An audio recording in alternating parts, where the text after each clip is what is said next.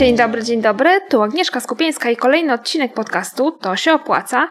Ten odcinek będzie poświęcony WordPressowi. Zaprosiłam dzisiaj Kasię Aleszczyk, która zawodowo zajmuje się m.in. właśnie WordPressem. Zapytałam ją o to, czy WordPress jest odpowiedni dla freelancerów, którzy chcieliby postawić swoje proste strony wizytówki, strony z portfolio? Czy freelancer może się nauczyć WordPressa na tyle, żeby tę stronę postawić samemu? Czy może lepiej zlecić to specjaliście? Porozmawiamy także o wtyczkach i mam nadzieję, że ten podcast, ten odcinek będzie dla Ciebie przydatny i wykorzystasz tę wiedzę w praktyce.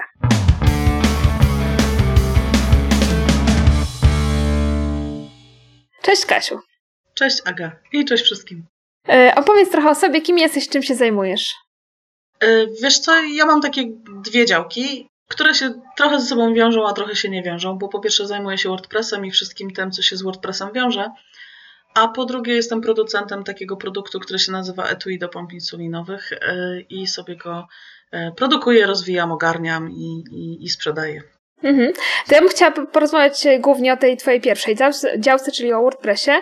E, chciałabym się dowiedzieć, dlaczego WordPress, czy uważasz, że WordPress jest w tej chwili najlepszym wyborem, jeżeli chodzi o tworzenie stron? Takich mam na myśli e, strony, takie powiedzmy wizytówki, strony dla freelancerów, dla jakichś takich małych firm.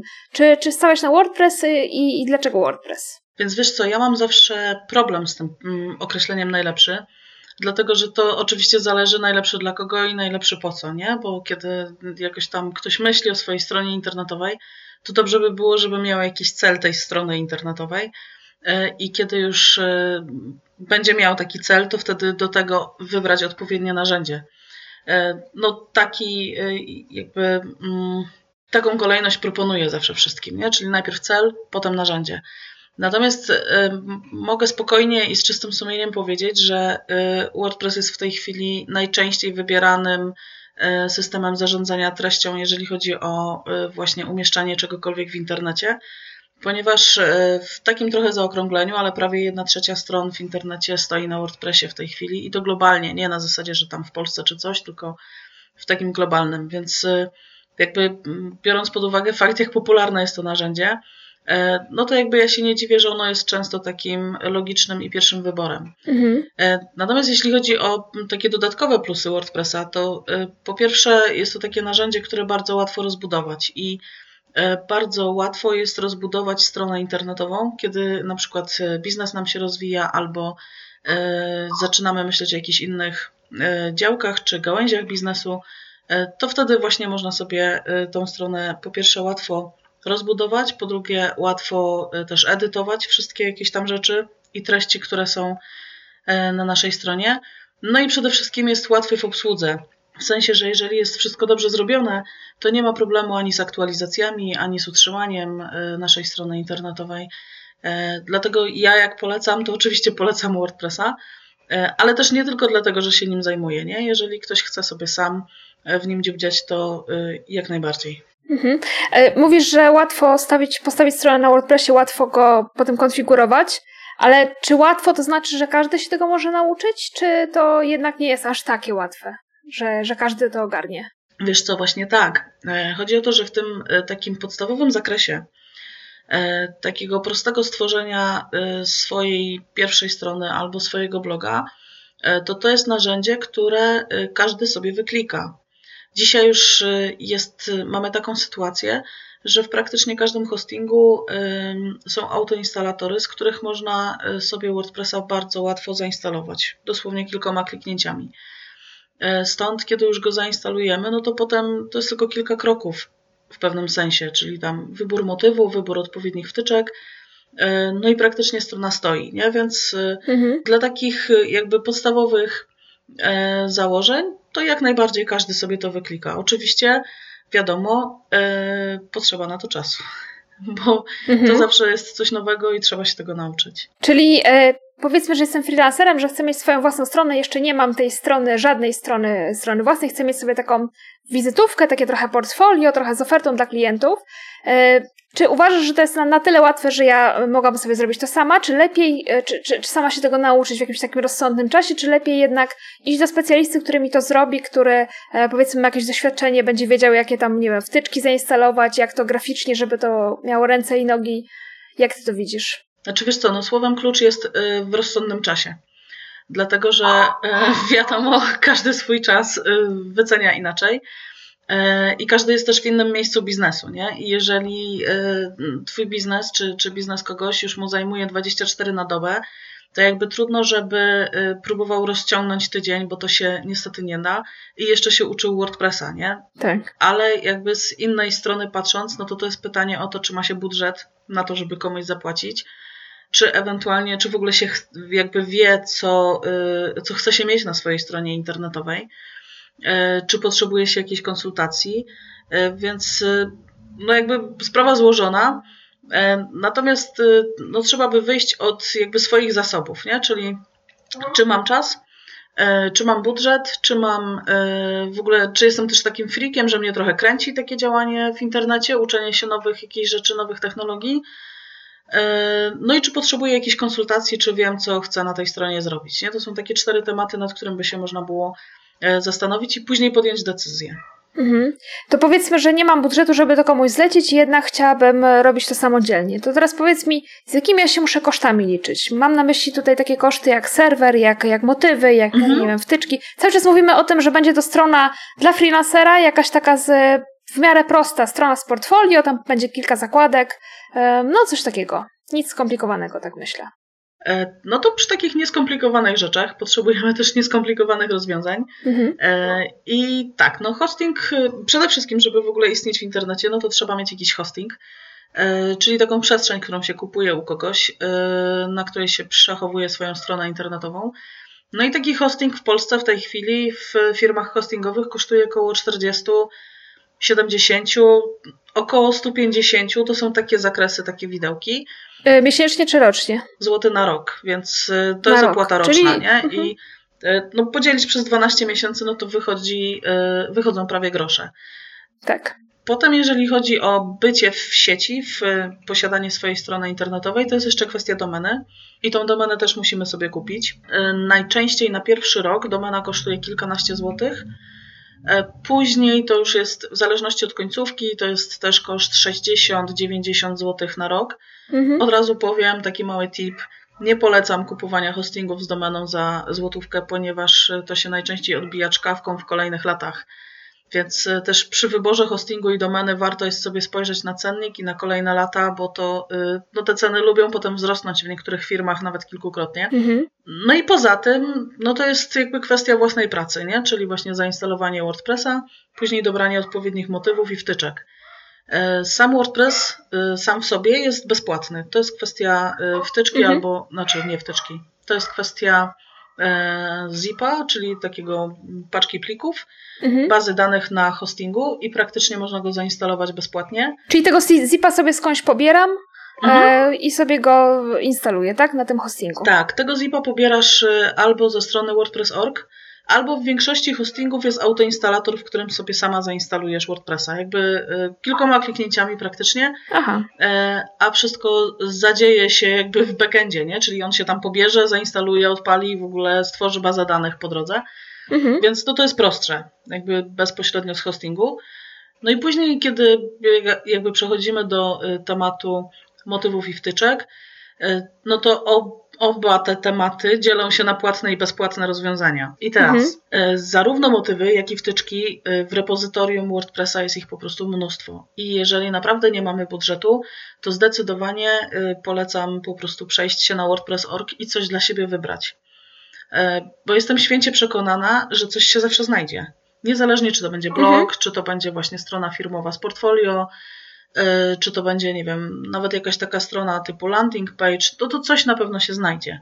Czy, czy to nie jest tak, że jeżeli e, wybiorę sobie darmowy motyw, to będę miała jakieś ograniczenia, na przykład, że czegoś nie będę mogła zrobić? Czy, czy są takie moty, czy, czy tych motywów jest na tyle dużo, że na pewno coś znajdę? Czasem się zdarzy, e, ponieważ te motywy w repozytorium też się dzielą właśnie na takie, w mhm. których wyklikasz sobie wszystko, włącznie z kolorami, doinstalowaniem fontów i E, dostosowaniem różnych elementów. E, a czasem się zdarzy tak, że tak naprawdę nic nie będziesz mogła dostosować, tylko i wyłącznie będziesz miała taki widok, jak jest widok w demo. Natomiast mhm. jak tam jest kilkanaście tysięcy motywów, to ja nie wierzę po prostu, że żadne demo ci się nie spodoba, tak? Że jeżeli nie ma tego budżetu, Jasne. E, no to jakby wtedy szyjemy z tego, co mamy, nie? Co mamy dostępne, no po prostu. Więc no, trudno się zapożyczać po to, żeby kupić sobie motyw. Ale jeśli mhm. ktoś już ma wolne jakieś 40 parę, 50 parę dolarów, no powiedzmy 60, bo tam chyba na e, Team Forest najdroższe motywy to jest około 59 dolarów, e, no to można sobie to potraktować już jako taką pierwszą inwestycję w swój biznes e, i wydać taką kasę, żeby kupić motyw, który już bardzo często będzie bardzo rozbudowany i w którym mhm. będziemy mieli możliwość zrobienia sobie wielu layoutów, wielu widoków, niezależnie, znaczy jakby też e, gdzieś tam w czasie, kiedy będziemy potrzebować zmienić na przykład stronę główną, e, to będzie to dużo prostsze w tym jednym motywie niż e, szukanie kolejnego nowego. Mhm. Czyli to mówisz tak, mamy jakieś kilkadziesiąt złotych, powiedzmy 100, 170 złotych rocznie za serwer, do tego mhm. w pierwszym roku kilka złotych za domenę, powiedzmy 10 złotych. Mhm. No i w zależności od tego, czy chcemy ten płatny motyw, to mamy jakieś 60-70 e, dolarów, tak? tak? Czy darmowy motyw, no to darmowy wiadomo za darmo. Czyli Zgadza tak się. naprawdę, jeżeli dobrze rozumiem, możemy sobie tę, tę stronę postawić za jakieś 170 zł rocznie, jeżeli chcemy się tego sami, sami nauczyć. Zgadza się. Tylko płacąc za serwer. Zgadza się, płacąc okay. tylko za hosting. To teraz jeszcze powiedz mi, czy są jakieś e, wtyczki, które koniecznie musimy zainstalować w takiej stronie? A temat y, skomplikowany, ponieważ. ale, zaraz, ale zaraz go uprościmy. To może zaczniemy od początku. Co to są wtyczki, po co one są? Bo może mamy takich słuchaczy, którzy nie wiedzą w ogóle o czym mówimy. Właśnie. E, więc wtyczka to jest takie coś, co dodaje nową funkcję do naszej strony. E, I to znowu jest mhm. paczka, jakby paczka plików, to jest zip, który się pobiera z repozytorium najczęściej, czyli z tej strony WordPress.org. E, ale też mhm. jak mamy już zainstalowanego WordPressa, to możemy sobie zainstalować wtyczkę bezpośrednio w kokpicie, jakby w środku, nie? I ona się pobiera właśnie z tego repozytorium. E, I teraz taka wtyczka zawsze nam doda jakąś funkcję e, na stronie, widoczną dla nas lub widoczną dla użytkowników, bo to zależy od tego, jaką wtyczka ma pełnić rolę. Mhm. Ja osobiście nie polecam nigdy instalowania wtyczek dla samego instalowania wtyczek, czyli tylko po to, żeby mieć ich jakoś dużo, i żeby je kolekcjonować i e, logować się do swojego WordPressa i sobie je oglądać, nie? bo to kompletnie nie ma sensu. E, z dwóch powodów. Po pierwsze, obciąża nam stronę, a po drugie, i prędkość ładowania się tej strony, a po drugie, jest to dodatkowy kod, który jeśli nie będzie aktualizowany, to może być dziurą potem dla ewentualnych jakichś włamań i ataków. Więc tutaj mhm. jakby ostrożnie. Szukamy wtyczki wtedy, kiedy potrzebujemy y, coś rozwinąć albo jakoś poszerzyć zakres y, w naszej stronie. I z takich wtyczek must have to na pewno jest wtyczka do spamu, ponieważ WordPress jest takim CMS-em, który jest bardzo szybko wynajdowany przez roboty i jeżeli nie będziemy mieli wtyczki do spamu, a będziemy mieli gdziekolwiek dostępne komentarze, E, to wtedy no to jest kwestia kilku, kilkunastu godzin i jesteśmy zawaleni po prostu e, komentarzami i to kilkoma setkami komentarzy e, w naszym WordPressie. No nic nam to jakby nie robi, nie? Ani nas to grzeje, ani ziębi, tyle że dostajemy kilkaset maili z powiadomieniem, że ktoś dodał komentarz. No i jest to mega Aha. upierdliwe. Więc tutaj tak, jeżeli chodzi o taką wtyczkę must have, no to pierwsza i podstawowa to jest wtyczka, która zablokuje nam ten spam. Czy jakoś konkretną możesz polecić? Wiesz co, y, w WordPressie jest zainstalowana od razu domyślnie Akismet i ona działa i dobrze działa, natomiast ona jest bezpłatna dla zastosowań niekomercyjnych. Jeżeli to już jest strona naszej firmy, to to już umówmy się, jest zastosowanie komercyjne mhm. i trzeba by tam zapłacić. Druga taka, która fajnie działa, to jest anti, Anti-Spam B. Ona się tak nazywa i możemy ją podlinkować potem. Zresztą tak, w tak ogóle tak możemy podlinkować wtyczki, które, które będziemy mhm. wymieniać. Może tak się umówmy. Tak. I ona też bardzo fajnie działa, nie? Jest takim firewallem dla e, właśnie spamowych komentarzy. Poza tym każdy zawsze, e, znaczy prędzej czy później, każdy dochodzi do takich e, spraw, które się wiążą z SEO, więc sobie też instaluje którąś z wtyczek do SEO. I to są dwie takie najbardziej popularne, albo Yoast SEO, albo All-in-One SEO Pack. One się trochę mhm. różnią, E, dla początkujących bym polecała ten Yoast SEO, ponieważ on trochę uczy e, też jak o SEO sobie dbać.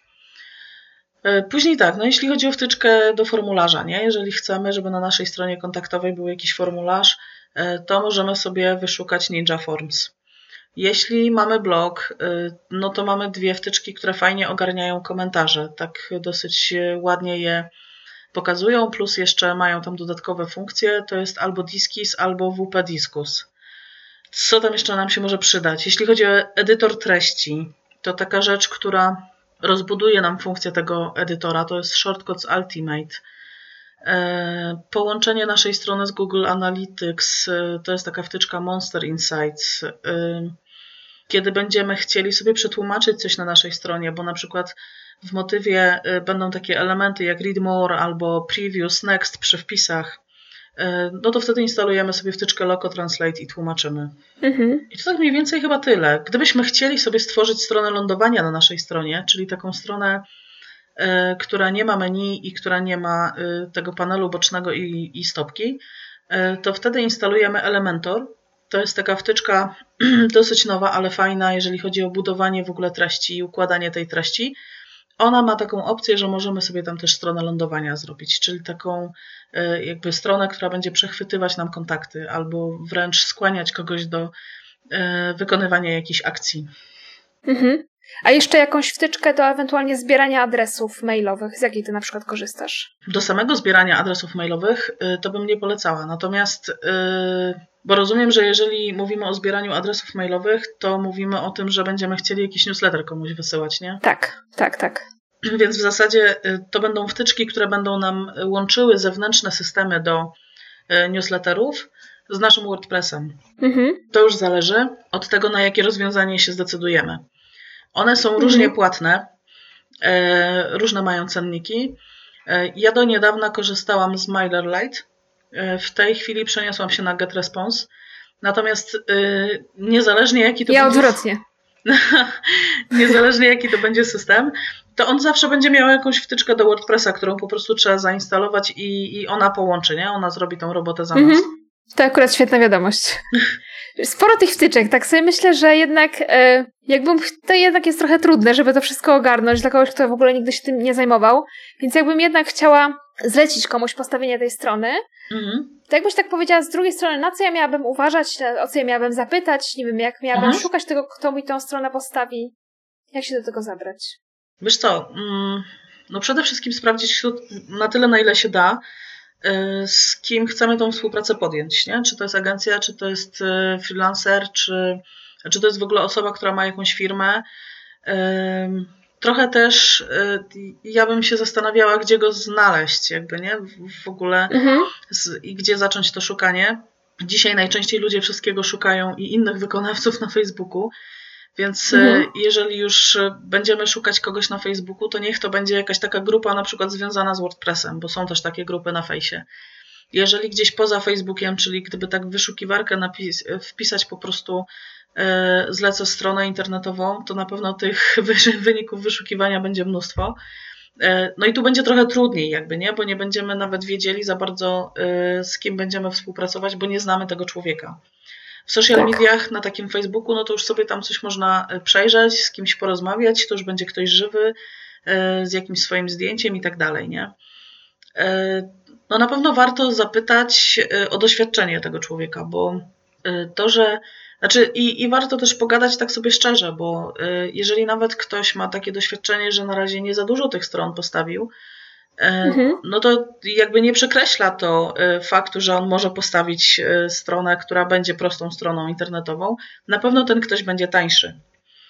I na pewno jego usługi Jasne. będą tańsze, nie? Więc tutaj jakby no zależy też trochę, czy szukamy kogoś taniego, czy droższego. Ale takie ważne rzeczy to na pewno jest kwestia umowy. I teraz takiego też dogadania się, czy podpisujemy umowę na zasadzie, że wy, wymieniamy się jakimś papierem, E, i sobie go przesyłamy, czy umawiamy się e, i e, załatwiamy wszystko mailem. I ten mail, jeżeli coś by się tam gdzieś działo nie tak, no to ten mail też jest ostatecznie nawet w sądzie jakimś tam dowodem w tej chwili, nie? Więc. Mhm. Ale zalecam mieć wszystko gdzieś spisane i najlepiej potwierdzone przez obie strony, ponieważ umawianie się na telefon to nie jest dobry pomysł. Mhm. Bo jak się potem okazuje, to każdy rozumie wszystko inaczej. I gdzieś warto sobie zdawać z tego sprawę. E, poza tym, jeżeli chcesz już e, zlecić taką stronę, e, to zdecydowanie jakby dowiedz się bardzo dokładnie, za co płacisz. i co dostaniesz, jakby ten zakres wykonywania usług. To jest bardzo ważne, dlatego że mm, każdy, kto jakby tworzy swoją pierwszą albo zleca tworzenie swojej pierwszej strony internetowej, no to tak trochę wchodzi na pole minowe. Znaczy w tym sensie, że nie do końca jakby jest biegły w temacie. I to tak trochę jak z tymi y, kruczkami, czy, y, czy takimi informacjami pisanymi małą czcionką w umowach bankowych albo kredytowych, mhm. nie? To trzeba dobrze doczytać. Czyli za co płacę i za co nie płacę, czyli y, co dostanę, ale czego nie dostanę, co nie wchodzi w ten zakres usługi, nie? To, to gdzieś tam też warto dopytać. Y, zwłaszcza jeżeli są takie tematy, które chodzą po głowie, na przykład, no nie wiem, czy przy okazji wykonania tej strony internetowej, czy to też będzie y, strona zoptymalizowana pod SEO już od razu, nie? Czy, czy trzeba to będzie gdzieś potem osobno zlecić, więc czy będzie połączona z Google Analytics, no tego typu jakieś tam mhm. tematy, nie? Poza tym takie pytanie, to jest zawsze ważne, czy strona będzie edytowalna? W sensie takim, mhm. Czy jeżeli ktoś nam ją wykona, to czy da nam do niej pełne prawa administracyjne, nie? Że, że będzie można wszystko edytować, będzie sobie można, y, nie wiem, instalować wtyczki, będzie sobie można zmienić motyw, jeżeli się będzie chciało, bo niestety znam takich wykonawców, którzy potem na koniec y, oddają klientowi taki trochę okrojony sposób administrowania mhm. i zarządzania swoją stroną. Niestety, y, ale to już znajoma, spotkała się też i z taką firmą, która na przykład w WordPressie w ogóle wycinała jego podstawową funkcję, czyli blog, E, I potem mhm. za włączenie tego bloga kazała sobie dodatkowo płacić, nie? Aha. No, niestety. Ale się zdarza. No i na koniec. Czyli faktycznie trzeba, trzeba dopytać o wszystko. Trzeba dopytać, trzeba dopytać, naprawdę. Mhm. I trochę warto się też zorientować, jakby co WordPress już sam w sobie ma, nie? Że e, no trudno, żeby ktoś kogoś kasował za to, żeby mu dorobił komentarze na blogu, nie? W WordPressie. Bo to mhm. jest po prostu no, rzecz natywna, ale ten WordPress to ma i tak naprawdę to trzeba by się trochę pomęczyć, żeby te komentarze wyłączyć, nie? Bo normalnie mhm, one tak. są. I na koniec jeszcze jedna rzecz. E, czy będziemy przeszkoleni z obsługi tej strony? Czyli jeżeli ktoś nam ją już odda, to czy nam pokaże, jak i gdzie co edytować, nie? Czy co, gdzie, e, jak wygląda ten kokpit, czy nas tam przeprowadzi, jak dodawać wpisy, jak dodawać strony, tego typu rzeczy. Mhm, tak, faktycznie ważna sprawa. Jak ktoś do tej pory nie miał do czynienia, to, to może sobie w ogóle nie zdawać sprawy, że, że może do tej strony powiedz... coś dodawać, coś edytować, mhm. coś zmienić. Moi klienci, jak widzą pierwszy raz kokpit, to w ogóle są zagubieni, nie? Bo to, bo to jest coś kompletnie nowego. Dla mnie to jest w ogóle takie środowisko, że tam pływam jak, jak ryba w wodzie. Natomiast tak. Y, rzeczywiście widzę, kiedy pokazuję klientom na szkoleniach już potem y, pierwszy raz kokpit, no to to w ogóle jakby przypominam sobie te czasy, kiedy ja widziałam pierwszy raz kokpit, nie? Chociaż to było dawno mhm. temu, ale tak, tak, to po prostu no, no, to jest takie oprogramowanie, którego się trzeba nauczyć. Czy długo zajmuje potem nauczenie się tego kokpitu i poruszanie się w nim? Ha, wiesz co, moje szkolenia dla klientów to jest mniej więcej godzinka, dwie. Y, mhm. Taka, że ja już daję dostęp i, i klient sobie tam sam chodzi pod moim takim czujnym okiem obserwatora E, daję mu konkretne zadania do wykonania i on sobie je robi w trakcie tego szkolenia. E, no i potem zależy. Albo komuś już wystarczy e, to. Czasem się zdarza, że mhm. ktoś jeszcze potrzebuje, żeby mu podesłać mój e-book, w którym to jest wszystko opisane i gdzie sobie będzie mógł zaglądać. Czasem jest też tak, że ktoś po roku się odzywa, nie? Pani Kasiu, bo ja tutaj rok nie zaglądałem, a już zapomniałem, jak to się robiło, nie? Więc no tak. to wszystko zależy. Mhm. E, to jeszcze chciałabym się od Ciebie dowiedzieć, e, do czego jeszcze WordPress można wykorzystać, bo, bo mówiliśmy tutaj o stronach takich firmowych, wizytówkach powiedzmy, mówiłaś o stronach lądowania. Co jeszcze można zrobić? Czy coś jeszcze można na WordPressie fajnego zrobić? Wiesz co, w zasadzie y, nadal pokutuje takie podejście, że WordPress to jest taki CMS, czyli system zarządzania treścią do blogów. Mhm. Nadal pokutuje, dlatego że on głównie dla blogów był stworzony kiedyś. Natomiast e, w momencie, kiedy e, Matt, e, czyli jeden z twórców, rozbudował go o wtyczki właśnie, no to jakby skończyła się era tylko samych blogów na WordPressie, ale jakby takim podstawowym i natywnym podejściem do WordPressa i takim skojarzeniem większości ludzi, no to jest blog i to jest takie coś, co rzeczywiście jest najprościej stworzyć na WordPressie. Później oczywiście mhm. strony firmowe, z powodzeniem funkcjonują sklepy na WordPressie, czyli takie y, miejsca, gdzie można coś kupić. A propos mówienia o wtyczkach, nie powiedziałyśmy o WooCommerce, najfajniejszą mhm. wtyczką i najlepszą, najlepszej wtyczce, na której można postawić sklep. E, Coraz częściej już też ludzie na WordPressie opierają kursy online i ja na przykład mam też tak zrobione, że moja platforma kursów online stoi na WordPressie. No i poza tym właśnie strony lądowania, czyli miejsce, gdzie zbieramy jakieś kontakty. Przy czym tak naprawdę, odkąd w firmie zaczął pracować, pracować czy tam działać mój mąż, E, no to się okazało, y, ja osobiście nawet nie wiedziałam, że na WordPressie można i social medium postawić, nie? Czyli takie miejsce, gdzie mhm. ludzie się będą logować, wymieniać usługami, rozmawiać ze sobą i to wszystko będzie zakryte przed niezalogowanymi użytkownikami, więc no w zasadzie jakby nie ma ograniczeń.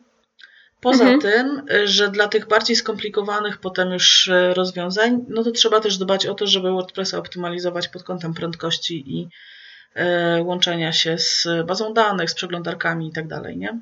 Mhm. Czyli faktycznie e, możliwości jest cała masa, mhm. jeżeli chodzi o stawianie tych, tych różnych, różnych stron. E, no dobrze, to jeszcze chciałabym się od Ciebie dowiedzieć, gdzie Cię można spotkać. Wiem też, że sprzedajesz kursy z WordPressa, to chciałabym też, żebyś powiedziała troszkę o tych kursach. Tak, więc takie moje centrum zarządzania, jak to ja sobie nazywam, E, to jest blog i blog jest pod e, adresem kasiaaleszczyk.pl, więc e, mhm. ufam, że łatwo Podlinkujemy też. Oprócz tego jestem bardzo początkującym podcasterem i, i prowadzę podcast Jak Żyć w Necie. Też pod adresem jakżyćwnecie.pl i to, o czym mówisz, to jest Akademia. I Akademia się znajduje pod adresem akademiawp.pl E, tam są dostępne kursy e, online, rzeczywiście z WordPressa, czyli z tego, jak e, zaczynam organizować kurs w ogóle o WordPressie, bo to jest mega temat, więc tam już niektóre moduły są, niektóre się tworzą. Poza tym jest kurs dotyczący tworzenia sklepu na WordPressie, w planach są kolejne, chyba landing page już jest, w każdym razie w planach są oczywiście kolejne, nie? Ale no moja mhm. doba ma niestety 24 godziny. Jak każda niestety. Jak na razie. Intensywnie pracujemy nad tym, żeby czy ty to zmienić. zajmujesz się też e, stawianiem stron dla klientów, czy, czy z klientami już nie pracujesz? Tak. E, przy czym od jakiegoś czasu w ogóle nam się trochę rozrasta też zespół, więc e, jakby tym bardziej zajmuję się tworzeniem Aha. stron dla klientów. I to od takich podstawowych, czyli od blogów, przez takie rzeczy jak, nie wiem, zmianę motywów na blogach, albo w ogóle konsultacje dotyczące tego, jak można jakąś stronę rozwinąć, przez właśnie zwykłe stawianie stron firmowych na WordPressie, czyli to, co wszyscy lubią najbardziej, przez sklepy internetowe, po takie już bardziej skomplikowane rozwiązania, właśnie odkąd mąż programista też się przytulił do firmy, nie? Więc, więc tak, tak, jak najbardziej. Świetnie. No to co, to dziękuję Ci za ten ogrom informacji, które nam tutaj przekazałaś. Mam nadzieję, że, e, że dużo ciekawych rzeczy czytelnicy dla siebie wyciągną. E, wszystkie te nazwy wtyczek i, innych narzędzi podlinkujemy oczywiście. oczywiście. w notatkach do tego odcinka podcastu na tosieopłaca.pl ukośnik podcast. E, no i oczywiście adresy do Ciebie, do Twoich miejsc też tam się znajdą, także zapraszamy słuchaczy do, do odwiedzenia bloga. Dzięki również, dzięki Dziękuję. serdeczne. Dzięki, cześć. To cześć.